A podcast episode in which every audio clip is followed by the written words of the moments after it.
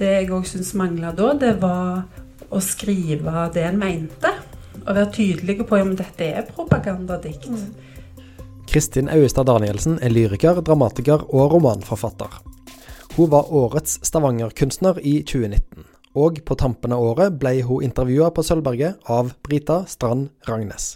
Men nå har du liksom fått vært Stavanger-kunstner i et år snart. Ja. Hva betyr det egentlig? Hva vil det si? Ehm, ja, det høres jo veldig flott ut. Og det har det jo òg vært. Ehm, det har gitt meg mye muligheter. Og jeg har gjort mye sånn som dette. Og, eh, men det har òg vært litt sånn akkurat sånn sånn eh, hund som du hiver en ball til. Hvis du da bare hiver masse, masse, masse baller til denne hunden, så bare Så begynner den liksom å virre litt, da. Så ja, det har vært veldig mange, veldig mange erfaringer. Men først og fremst det å få et sånn positivt lys eh, fra den plassen den bor, det, det betyr noe. Mm. Ganske mye. Ja. Mm. Og så er det jo veldig kjekt at det er en forfatter som har fått den utmerkelsen. Det er litt sånn rart, det er fordi at det er ikke alltid at forfattere tenkes på som kunstnere. For veldig ofte så tenker folk billedkunst eller andre. Men, men det er klart litteraturen er en av de viktigste kunstformene vi har. Så Ja, så kjekt. Jeg tenker jo at jeg er en kunstner, at jeg driver på med litt forskjellige materialer og sånne ting. Mm. Mm. Og det er jo veldig interessant, fordi at nå har jo du Altså denne utgivelsen som kom nå som eh, Linn også snakket om, det er denne her diktsamlingen som heter 'Sterke kjensler og andre dikt'. Eh, ja. Eh, det er jo Litt svært, dette greiene. Ja. Mm. Altså Det kommer jo litt an på hvordan vi regner, og sånn, men altså det er, du har jo en del utgivelser bak deg. Så dette er på en måte den som blir lista opp som den sjette av det du har gitt ut. Eh, av eh, forlaget ditt. Men så har du jo litt sånn småting innimellom. og sånn. Mm. Men du har gitt ut eh, flere diktsamlinger. Og dette er jo en av dem. Og som, og som eh, Linn sa, så ga du ut en roman i fjor. Det var den første. Men da jobbet du jo også i teaterformatet. ja. For den starta jo egentlig som en forestilling, gjorde den ikke det? Den romanen? Eh, romanen starta som et bestillingsverk fra Det Norske Teatret. Eh, de ville De hadde vært ganske lenge interessert i å sette opp et stykke eh, av meg. De kjøpte til med opsjon på et stykke som heter 'Årets fotballspiller' 1997.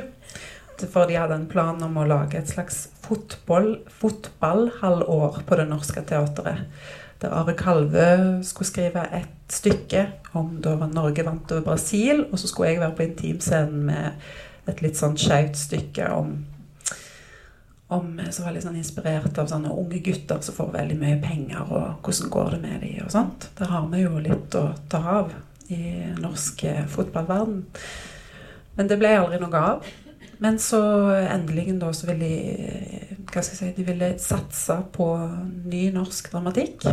Og da var jeg en av de heldige da som ble invitert til å skrive et stykke for Det Norske Teatret.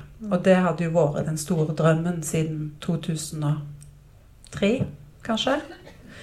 Så det er 15 år etterpå, så mm. Så kjekt. Vi skal komme tilbake til den romanen din etter hvert. Men altså, vi har snakka sammen tidligere, og du og jeg. Mm. Og det er noen år siden. Og da hadde vi eh, Jeg jobber jo på Universitetet i Stavanger, og så arrangerte vi sammen med eh, Katedralskolen så arrangerte vi en lyrikkdag Ja. for videregående elever. Det syns vi var veldig ambisiøst og spenstig, og det, det var det jo. Så da var du en av tre lyrikere som vi inviterte. Veldig kjekt eh, å få lov til å snakke til Riktignok en utkommandert, men likevel fullsatt sal med, med ungdommer som eh, fikk eh, eh, lyrisk påfyll. Ja, for de hadde jo diktet vårt på pensum. Mm. De, dagen etterpå så skulle de jo skrive en oppgave, en tentamen, så de var jo bukka nødt til å sitte der. De og de hadde lest. Det var jo det var veldig, veldig Ja. kjekt. Det var knallkjekt. Men da husker jeg da, da sa du noe om dette med skriving, som jeg faktisk har tenkt veldig mye på siden. For at du eh, eh, En av de tekstene som Altså, da Du hadde jo Altså, du skriver jo eh, lyrikk som for mange fortoner seg som lettere tilgjengelig enn en del annet, men du skriver om, um, om eh, tema som angår deg. Og så, og så fikk du liksom et spørsmål da, med hvorfor du Altså, hva var det liksom som var beveggrunnen din for å skrive? Og så sa du noe sånn som at du hadde egentlig som utgangspunkt at du skulle skrive det du syns mangla Ja. i litteraturen. Ja. Og det syns jeg er en utrolig god måte å formulere det på. Hva, hva trengs i litteraturen nå? Hvilke tekster er det vi ikke har? Og det har du jo gjort tidligere. Så har du skrevet om nynorsken, f.eks. Et veldig en fantastisk Hvis dere ikke har lest den, så må dere låne den. For den er vel ikke å få tak i lenger, men du må låne den i hvert fall. Etter Nynorsken bare den diktsamlingen, gjør den ikke det? Jo, den heter Nynorsken, ja. Veldig, Veldig fin bok. Den var Ja. inspirert av en sånn Chanel-puddereske. Så istedenfor Coco Chanel, som er en sånn motsatt, så er det de to endene da, Mm. som er sånn motsatt. Så det er sånn fin sånn preg og glitre. Og de ville, forlaget Gyldendal, eh, mitt, Gyldendal de ville jo egentlig ha ei ku på forsida. Så jeg måtte jo bare snu den litt, da. For de ville ha litt sånn ha-ha-aktig. men jeg ville ha liksom, liksom bringe nynorsken inn i eh, luksusverdenen. Ja. Sant? En nydelig bok. Og det mangla i Ja. den norske bokheimen. Det mangla veldig, og det mangla også veldig en sånn type eh, tilnærming, oppgjør eller diskusjon av nynorsken innafra. Ja. Som både var med stor kjærlighet og med stor skepsis samtidig. Ja, veldig mye. Og det var òg eh, viktig for meg å skrive eh, Det jeg òg syns mangla da, det var å skrive det en mente. Og være tydelige på om dette er propagandadikt. Mm. Dette er eh, politisk diktning. Og ikke prøve å skjule ting. Det, det, det eh, Samtidig så var det òg viktig for meg å problematisere eh, nynorsken som et eh, fenomen, da. Hvordan er det da å Jeg sammenligner nynorsken med, med et sånn et vakkert lik, som er et sånn begrep i litteraturhistorien. At det er en eller annen eh, eh, engelsk teoret teoretiker, vet sikkert du er dikter, som sa at det vakreste som fins, er, er, er, bilder bildet av ei død unge jente, Mm. som Ofelia. Og så da Mm. sa jeg at nynorsken er et sånt vakkert lik, Mm. eller Snøhvit som ligger i skogen. Og, og så plutselig så tulte jeg med Kjartan Fløgstad, så prøvde å renvaske nynorsken ifra nazismen, Mm. som var, han holdt på med en periode. Mot han Nils Fredrik Dahl, tror jeg. Mm. Så det var veldig mye jeg holdt på med. Mm. Mm. Veldig kjekk, veldig fin bok, som sagt.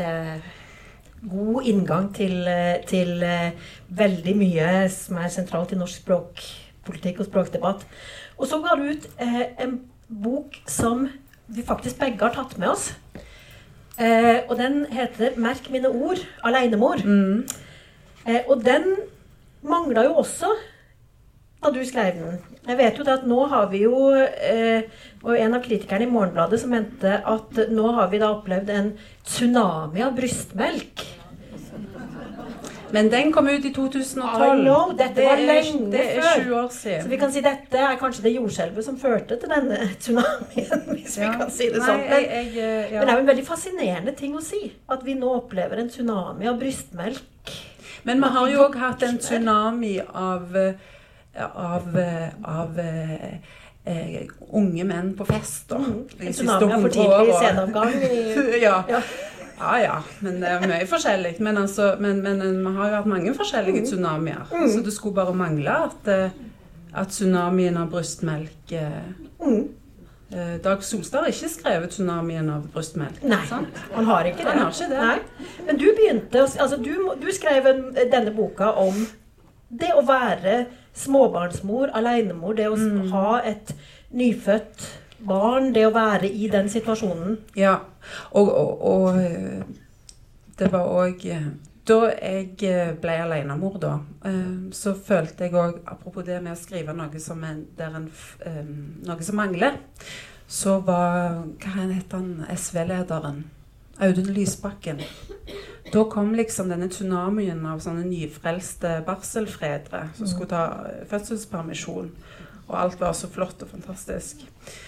Eh, så da følte jeg meg jo veldig sånn umoderne i min situasjon, da. Med en sånn litt sånn 80-tallsskjebne med å være sånn alenemor. Eh, så jeg følte meg Det var akkurat som at det, det mangla òg, da. Mm.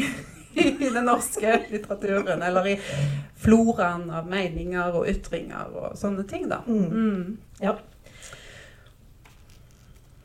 Og det har du jo Altså nå Den siste boka di her, Ja. der har du jo kalt den da, som vi har sagt nå, 'Sterke kjensler og andre dikt'.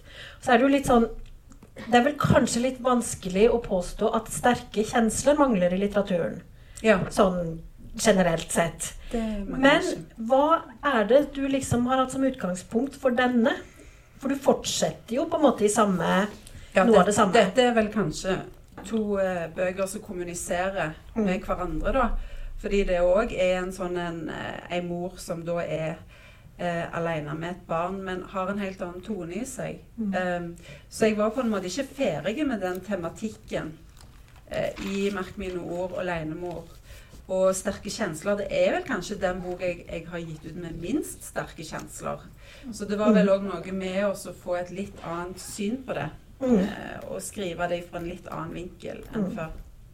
Men det er jo altså eh, Det er jo, som du sier, en bok som fortsetter tematikken, fortsetter det du begynte med her. Ja. Men her er det jo også Og det, jeg syns det er veldig interessant å lese denne nå når du faktisk da er årets Stavanger-kunstner. For dette er jo også en bok om det å være kunstner. Ja. Og det å være spesifikt kvinnelig kunstner. Mm. Men ikke bare det, men også det da å være kunstner og mor. ja. Og det er noe som vi har sett i mange altså Det er mange som har tematisert det. Men eh, her får vi også en veldig hva skal jeg si, Både en kvinnelig og en moderlig tone gjennom det hele. Mm. Som både er veldig eh, omfavnende glad for det, men samtidig også problematiserer det veldig. ja. Ja. Jeg har jo dette diktet som heter Det er et veldig langt dikt, da. Eh, Arild Rein eh, Jeg har hatt litt samarbeid med han. Han har jo et veldig fint lite forlag, som heter Villhund. Mm. Og så snakket vi om at jeg kanskje skulle gi ut noe på hans forlag. Så sa han ja, men eh, Så, sa jeg, så sa, sa jeg sånn Ja, men da må du gi meg en utfordring. Så sa han ja, men du har bare skrevet sånn korte dikt. Kan du ikke skrive sånn langdikt? Så, så, så da gjorde jeg det, da. Men det passet egentlig veldig godt til å gi det ut i denne boka her. Mm. Men eh, jeg kan lese det. Um, Gertrud Stein skriver Let her try, let her be, let her be shy. Her skriver hun om et barn. Her skriver hun om kvinna som vil på banen. Diktet heter Patriarchal Poetry. Jeg tenker på reveenka som satt inne ved peisen og strikka og tok imot frierer. En bjørn, en rev. En dag banker det på en mann som vil selge, selge meg leiker, mekaniske bamser som kan hoppe. Jenta er ikke hjemme, og jeg har ikke penger. Bamsen danser og hopper, salto, og jeg smiler til han og rister på hovedet. Han går. Han hadde svart jakke, svart ryggsekk. Jeg tror han har gått langt, som i gamle dager. Han mangler penger. Jeg kunne gitt han penger og blitt kjæreste med han, når det er kjærleik som banker på min dør. Det var den eneste gangen, gangen noen kom og banka. Jeg tror han var østeuropeer og fattig. Jeg tror han skjønte at jeg ikke hadde penger. Jeg tror, jeg, jeg tror han skjønte at jeg syntes han var farlig. Det var vår da han kom, og det var vår da han gikk, og jeg hadde mange ting på gulvet. Gulvet var fullt av ting. Gulvet var fullt av hår. Var han kjærleik, eller var han ulven? Var han bjørnen? Jeg leser Gertrud Steins 'Tender Buttons', og jeg tenker på ømme pupper, pupper med mjølk og puppelengt. Gertrud Stein laga aldri mat.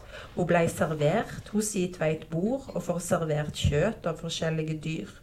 Asparges og et stykke med kaffe. Hun er så rolig i dikta sine. Det virker som det er mange damer rundt henne med nervøse lommetørklær. røde paraplyer og kjoledrama framfor spegelen når Gertrud Stein sitter ved bordet og sier 'relax' og har roast beef på tallerkenen. Jeg skriver Tampong, du er hvit bomull. Tampong, du likner ei kule, ei patron, og som den trives du best i blodige miljø. Jeg skriver parasoll, du er som kjensler, blir de ikke falla. Blir de ikke falla rett ut, så blir det fort feil. Gertrud Stein fikk ikke barn, så hun kunne slappe av og slippe å føle. Jeg skriver bleie. Jeg tar på bleie, som har veldig god teip. Gleda over ei godt montert bleie. Dagen kan starte med nytrekt te. Olav H. Hauge fikk heller ikke barn. Han laga sikkert mat, og det virka som han hadde god tid. Hvorfor har jeg funnet to diktere som ikke fikk barn når jeg, når jeg skriver om ei mor og et barn? Jeg tenker på mannen med leikene. I Reveenka var det trolldom som til slutt gjorde reven rik. Reven blei rik, det lønte seg å hjelpe den stakkars gamle kona i skogen. Var mannen med leikene egentlig trollkona i skogen? Jeg skriver et dikt om gulvet. Lange hårstrå snor seg og ler, og setningene stopper, og flekkene ler, og knappene roper på skjorter, bluser, kåper, måper, og gulvet er. Eit pikniksett likner eit lite torturkammer, og grinekjenslene kjem med våren. Når knoppene åpner seg, auga for blomer, og ansiktet mitt blir en solnedgang.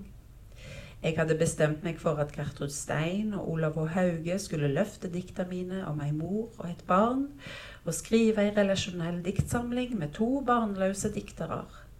Noe mer om kjensler som om de var ting. Sinne. Bladpersillen er fin på håret og løfter seg i vann, salt. Som om gleda ligger på gulvet og barnet trør på gleda, og det er gode øyre rundt knappene, og redsle ligger under sofaen, er en katt som er redd for at noen kommer til å knekke ryggen med å trampe med foten. Keisemd er et perlehalsbånd og sitter inne når himmelen er blå. Jeg skriver og jeg tenker og jeg kjenner og jeg prøver å skrive om det og passe på et barn på en god måte og halve hender og sammenlikne små og store føtter etter forskjellig type mat, vaske bort forskjellige typer flekker. Noen flekker blir klissete og får lo og dun og støv og sand i seg. Olav H. Hauge skriver meg 'Har jente han'? Rosa ved berget klynger seg til berget som ei hard jente han og Hanna er så hard, og jenta er så hard. Hun er en rosebusk ved eit berg. Hvor var jenta da mannen banka på? Vi dør og vil gi selge leiker som hoppa. Barnebunaden er varm på 17. mai, og jeg blir varm, og alle ser på, og jeg skammer meg i bunaden min som er varm og mørk og laga for han. Vi er frie, men ikke på 17. mai. Skam av rødkål på tallerkenen uten tilbehør. Den trenger vener, men har ingen. Moppen er en bad hair day som er så god å ha, som samler sammen umågelige setninger. Tinga blir stilt ut i monter, ei bleie, en tampong, en femtilapp, en krone is, en bilnøkkel. Jeg lar barnet tegne, og barnetegningene blir variasjoner over brune rulleskøyter. Frokost, lunsj, middag, kvelds, godteri, mjølk, noe mer om kjensler som ligger på gulvet, i, bar i barnetegningene, i døra som erter. Gertrud Stein har skrevet et dikt som heter 'Patriarchal Poetry', der det står 'Let her try, let her be, let her be shy'. Ja, det var det.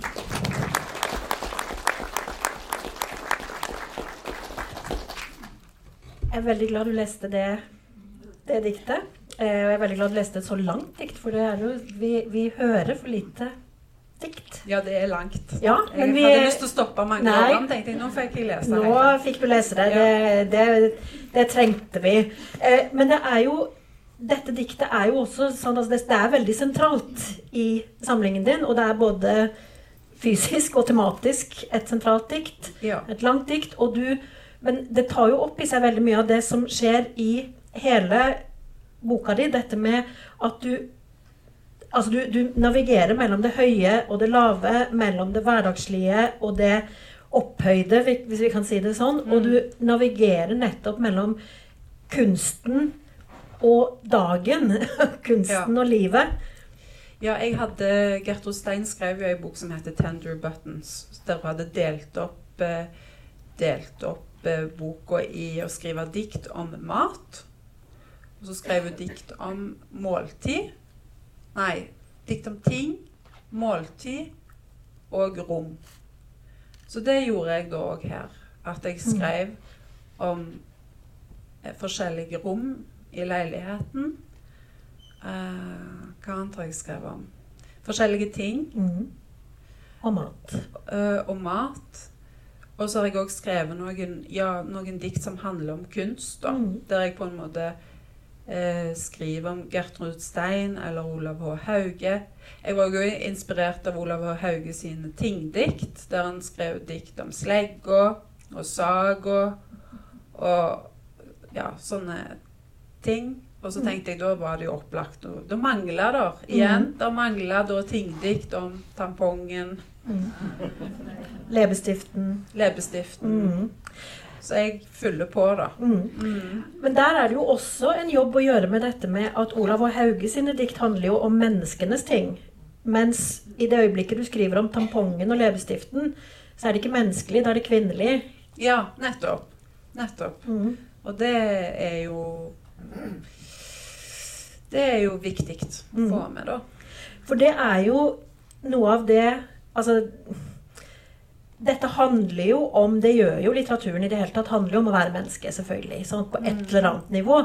Eh, og her går du jo også i Står du veldig i dette spennet mellom nettopp det som er menneskelig, og det som da blir bare kvinnelig. på en måte. Altså det som er eh, Det er vanskelig å skrive kvinnelige erfaringer inn i det menneskelige. fordi i øyeblikket det er kjønna, så er det på en måte parkert som noe som egentlig ikke angår menneskeheten. Ja. Eh, og det snakker du jo også en del om i disse diktene, nettopp dette med hvordan skal vi være Hvordan i alle dager skal vi være kvinner? ja. Hvordan er det mulig? og hvordan er vi, når er vi kvinnelige nok, på et vis? Mm. Og jeg skriver jo òg om det å bli kvinne. Mm. Eller hva er det, da? Mm. Um, for det er jo noe Simone de Beauvoir snakket om. At du er ikke kvinne, du blir kvinne. Du blir ikke født kvinne, men du, Du, du blir det. Mm. Og hva betyr det? Mm. Og, um, eh, og det er vel noe som gjelder alle, om en er kvinner eller menn. At Mm. en, en blir jo noe Mm. hele tida. Og jeg skriver jo òg om pubertet og, og, og det å få et barn. Og, og jeg tenker jo det at det å, å skrive og bli forfatter, det gjør, gjør jo òg noe med meg. Mm. Hvem jeg er. Mm. Og det er jo litt sånn og fint sånn som på denne forsida at du det, eh, Nina Elisabeth Børkes har lagd begge eh, forsidene, og hun Jeg syns hun er utrolig flink. og Det at hun liksom har gjort køysenga mindre enn tampongen. Og strømpebuksa og tampongene er, nesten like store. Og det er jo litt det vi gjør i kunsten, da. sant? At vi vi, vi, vi, vi bryr oss ikke om hvordan ting er i virkeligheten, men prøver å, å forstørre ting for å, for å forsterke Mm. og, og, og, og leke med ting, da. Mm. Og så en veldig fin bakside hvor hun har eh, tatt hvor hun har tatt leppestiftnavnene og spredd utover. Altså le leppestifter vi, vi, De av oss som vet noe om det, vi vet jo at det får veldig kreative navn. Ja. Og det er plutselig nå blitt isolert og står bak her. Det er veldig fint. ja. Hvordan en velger le leppestift, da, om den heter da Red Carpet, for Red. Carpet eller Teach eller Boy eller Re Rebell eller Liberté. Ja, det er veldig fint. Men, men det er også noe, det er veldig interessant det du sier, dette med at, at hvordan blir vi? For det er også noe av det som du faktisk også eksplisitt sier i et av diktene dine her, det er at du blir ditt eget verk gjennom livet ditt. Ikke sant? Og det er jo noe av det Det høres jo veldig narsissistisk ut. Det, men ja. Det er helt greit for meg. Ja, det er helt greit for deg. Men, men jeg prøver jo da å se på liksom hva jeg eh, Jeg har et dikt som også heter 'Baby, barn, ungdom, kvige mor'. Mm. Skal jeg lese det? Ja. Da jeg var baby, pusta jeg inni der, ved glidelåsen og halslinninga. kunne stirre i lufta på en god måte, være sjel. Den jenta jeg var. Ingen sa hvem jeg var. Jeg var ei gåte for meg sjøl, jeg var ei gåte for alle de andre. Noen ganger sa de noe fint, og da ble jeg glad og tenkte jeg er fin. Jeg gikk inn til frisøren med langt hår og kom ut derifra med pannelugg. Jeg gikk inn i svømmehallen med lite svømmeferdigheter og gikk ut derifra og, kunne svømme. Da jeg kom i puberteten, klipte jeg håret kort, og jeg ble ei ny gåte. Ei kjempestor pære. Jeg ble gutkvinnejente. En fersken med bart som skamma seg. Ei nøtt inni ei dyne. Ei gryte med graut inni ei dyne. Snøfte i en buss. Snufle i en kant. Vanlig. Så ble jeg kvinne. Jeg gikk inn i butikken sulten og kom ut derifra med middagsmat. Jeg gikk inn i huset som kvige og gikk ut derifra befrykta. Ja. Og det kan en jo meg. Altså, det er jo et, bare et dikt. Det er ikke nødvendigvis alle mine meninger. Men jeg skriver òg en annen plass eh, Jeg var prippen. Så var jeg ikke prippen, og så ble jeg prippen igjen. Det kan en kanskje kjenne seg igjen i. og så skriver du jo om dette med, med eh, veldig gjenkjennelige ting som dette, f.eks. med aldring. Ja. Med utseende. Dette med å, å, finne ut hvem er du når du begynner å bli ikke bare voksen, men så voksen at du må kanskje endre synet på deg sjøl, eller lurer på om andre begynner å se på deg på en annen måte. Du har dikt om mage, om rynke. Mm, om hvordan det er å være 35 år. Ja. For redaktøren min da så liksom Jeg, jeg hadde et dikt som heter 35 år. Så sa han ja, men hva er greia med å være 35 år? Det gir jo ingen det interesse. Mm. Hvorfor det?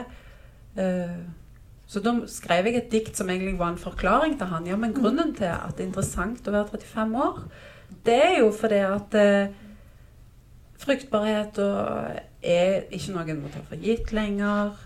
Det blir en eksistensiell erfaring i seg sjøl. En er eldre, en er ikke ung lenger. Altså. Så det ble et dikt som egentlig var en, eh, en forklaring til min redaktør om, om mm. hva er 35 år. Så mm. sa han ingenting. Mm. Og det er jo igjen dette med å skrive det som mangler, som jeg syns er så eh, Ja, jeg liker det veldig, veldig godt. Eh, og det er jo dette med hva, hvem man er, hvem man blir, hvilken rolle man skal ha i verden. Det er jo også det romanen din egentlig handler om. Vår vesle. Ja. Det er jo, der er vi jo også inne i, for så vidt, i et kvinneliv, da, men i en Det er en veldig eksistensiell roman. Ikke sant? Ja, hvordan mener du han er eksistensiell? Fordi det handler om altså Hvis vi bare skal si veldig raskt, så er det det handler jo da om, om en ung Eller ja, en eh, kvinne på nesten 30, med Mari, mm. som kommer hjem fra ferdig med studiene sine i Sverige. Mm. Har selvfølgelig da studert kunsthistorie. Det virka veldig lurt og interessant. Ja, og så får hun får ikke jobb. så kommer hun hjem og flytter inn i kjellerleiligheten hos foreldrene. Mm. Og så belyser du da på en måte denne hjemflyttingen.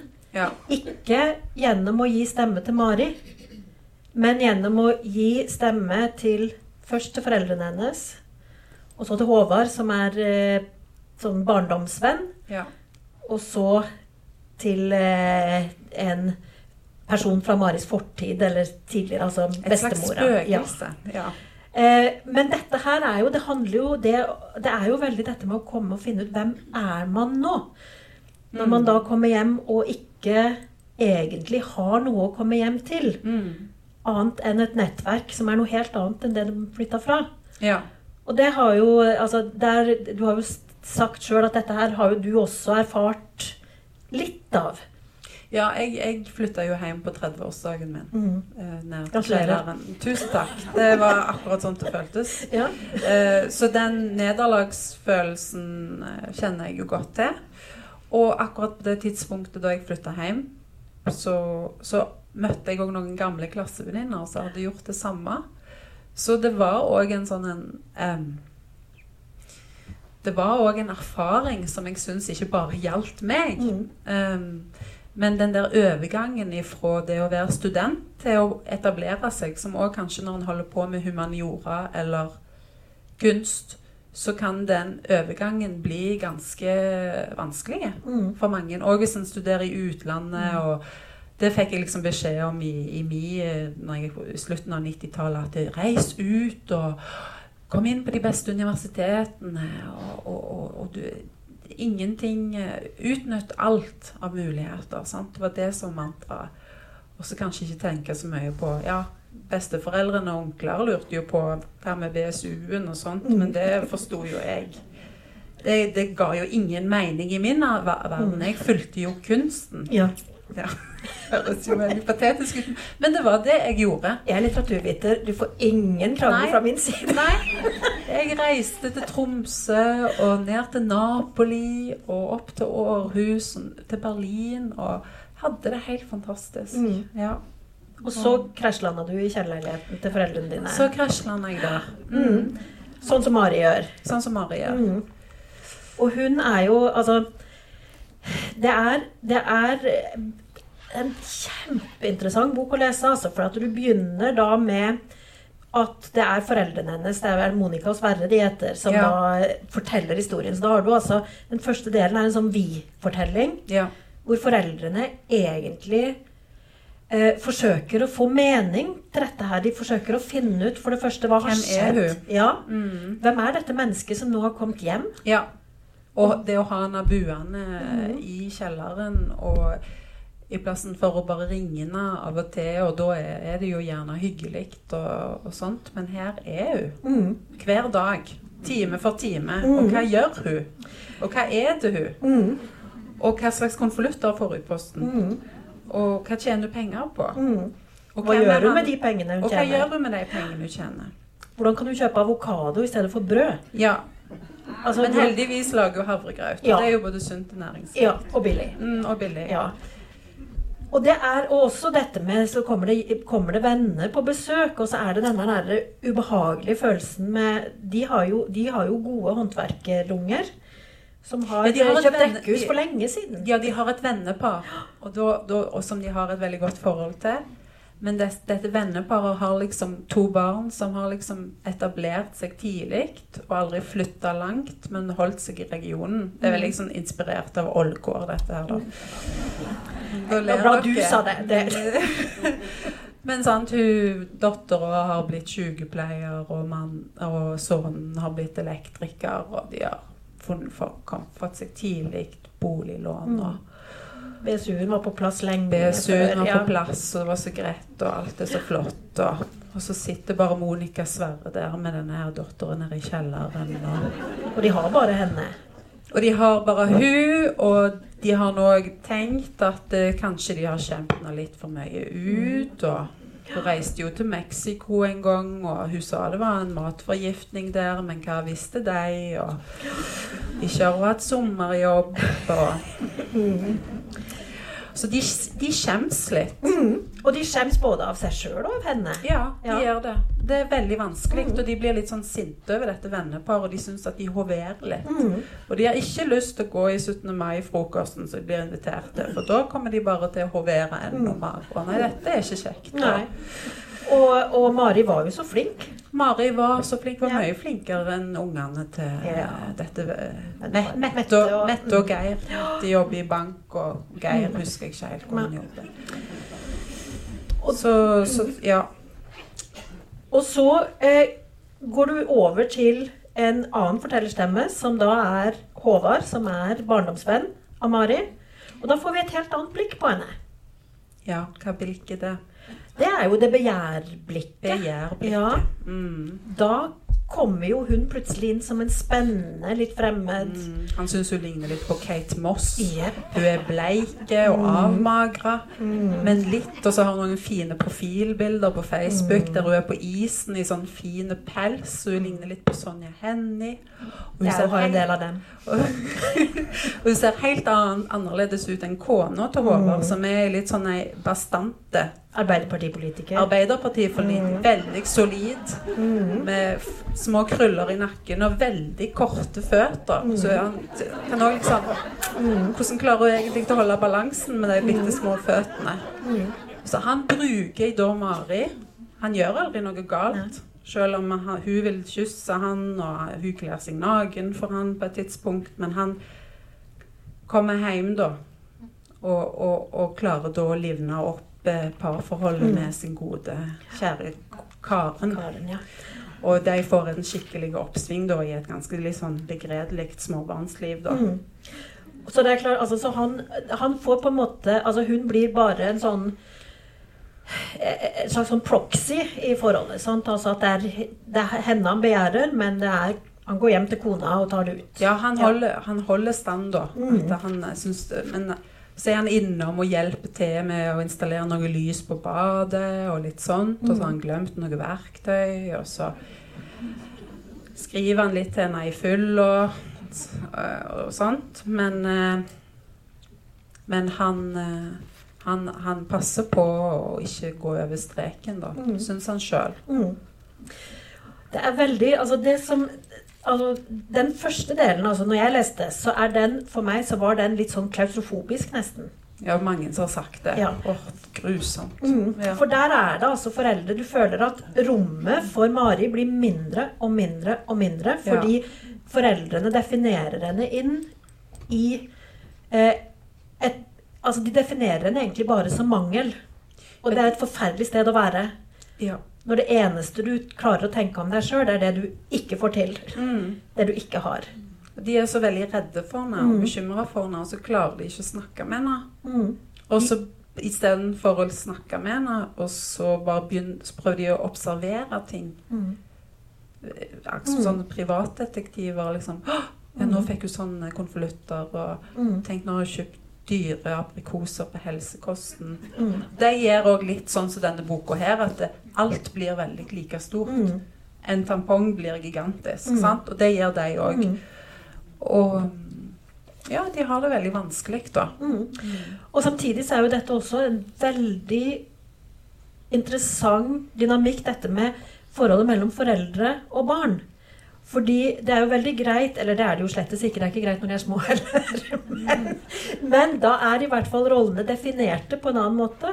Ja. Men voksne barn og foreldre der er det jo Altså, hva er maktforholdet? Hva er forholdet mellom Altså, når, når, når blir vi voksne? Mm. Og det ser jeg på foreldrene mine som sitter her. Og det er det jo veldig mange jeg òg snakker med mine venner, eller at å, når jeg kommer hjem til juleferien, så blir jeg 17 år igjen, mm. og jeg kan ikke noe for det. Mm. Og jeg har snakket med psykologen min om det, og nå skal vi prøve å gjøre det bedre neste gang. aktivt. At nå skal jeg prøve å være voksen neste gang jeg kommer hjem.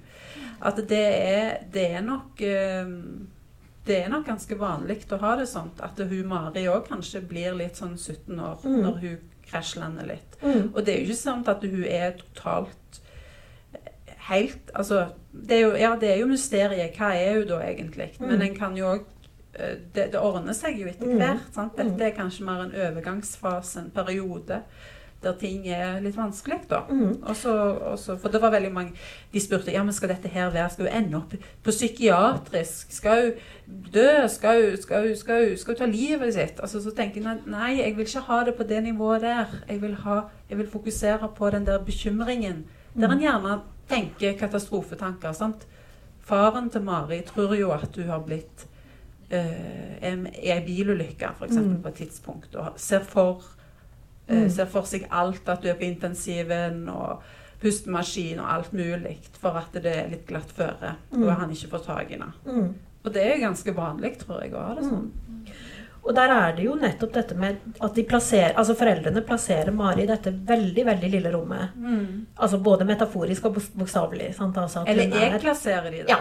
ja. Altså, jeg vil ha den uh, høye uh, Ja, det er veldig intenst, mm. det de opplever.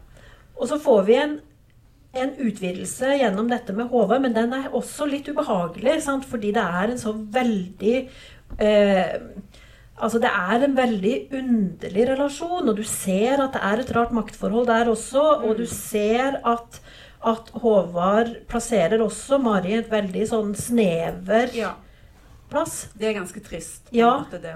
Ja. Og det er trist for dem begge, egentlig. Og for Karen og for alle. Det er Ja, det, det er bra for Karen, tror jeg, på sikt. Og for Håvard òg. Men, men ja, Mar Mari kom ikke så veldig godt ut av det der.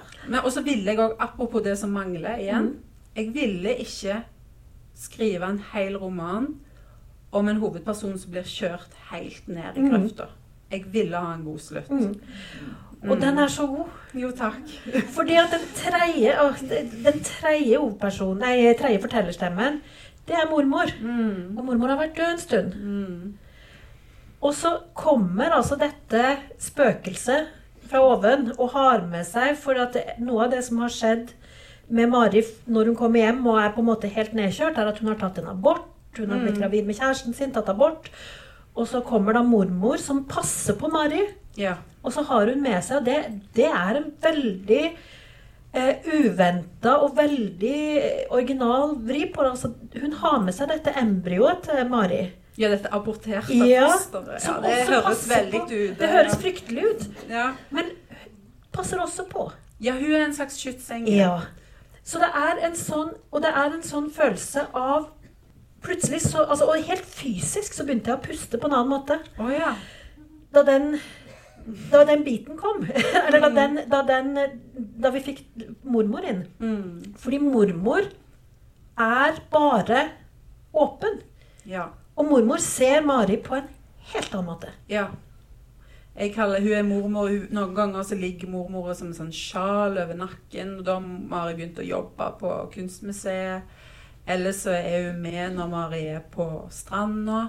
Eller hun går på Preikestolen. Da går Mari veldig upraktisk går i platåsko og noe miniskjørt og noe greier. og har det kjempekjekt. Så det, da, da, da, har, da er en annen side av Mari som Mhm. blir vist fram, som er sånn livsbejaende og koser seg masse. Og, og mormor hun er bare med på dette her. Og um, Ja, og på et tidspunkt så viser hun seg da for Mari. Mm.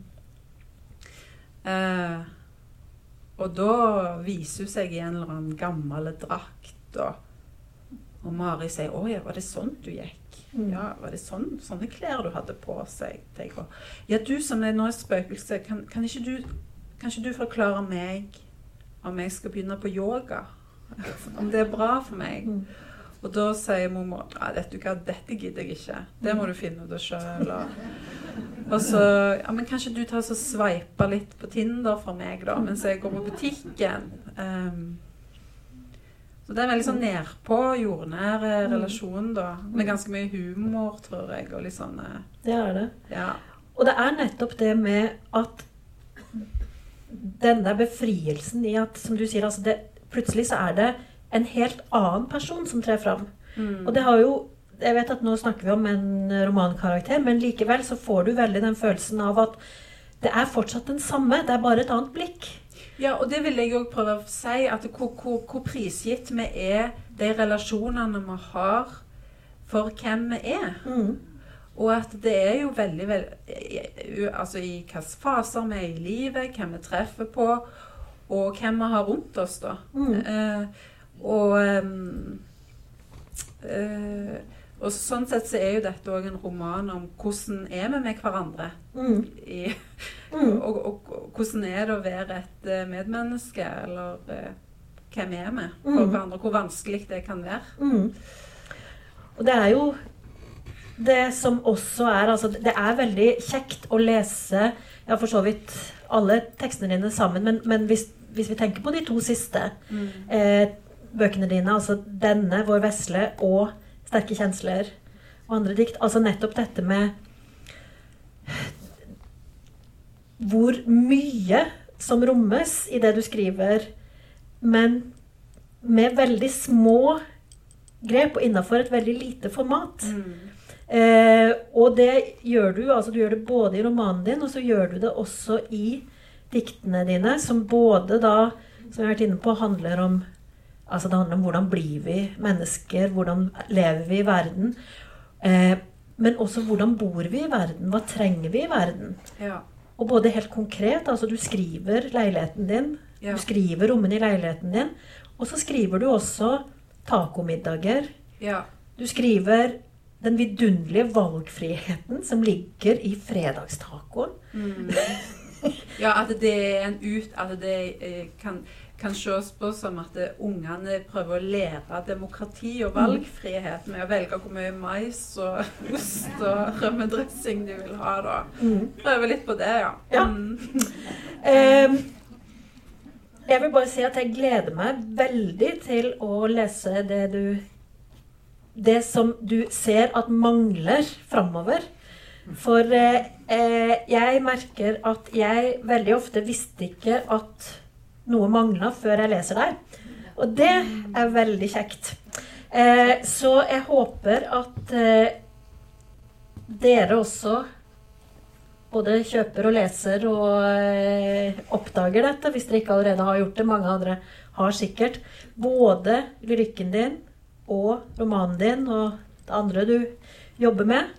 Eh, og uansett om 2019 er eh, ferdig, så kommer du vel til å være Stavanger-kunstner og i lang tid, Ja, håper jeg veldig. Jeg bor nok her en stund til. Det er godt. på. Ja. Så tusen takk skal du ha, tusen takk skal dere ha. Og så sier vi riktig god jul.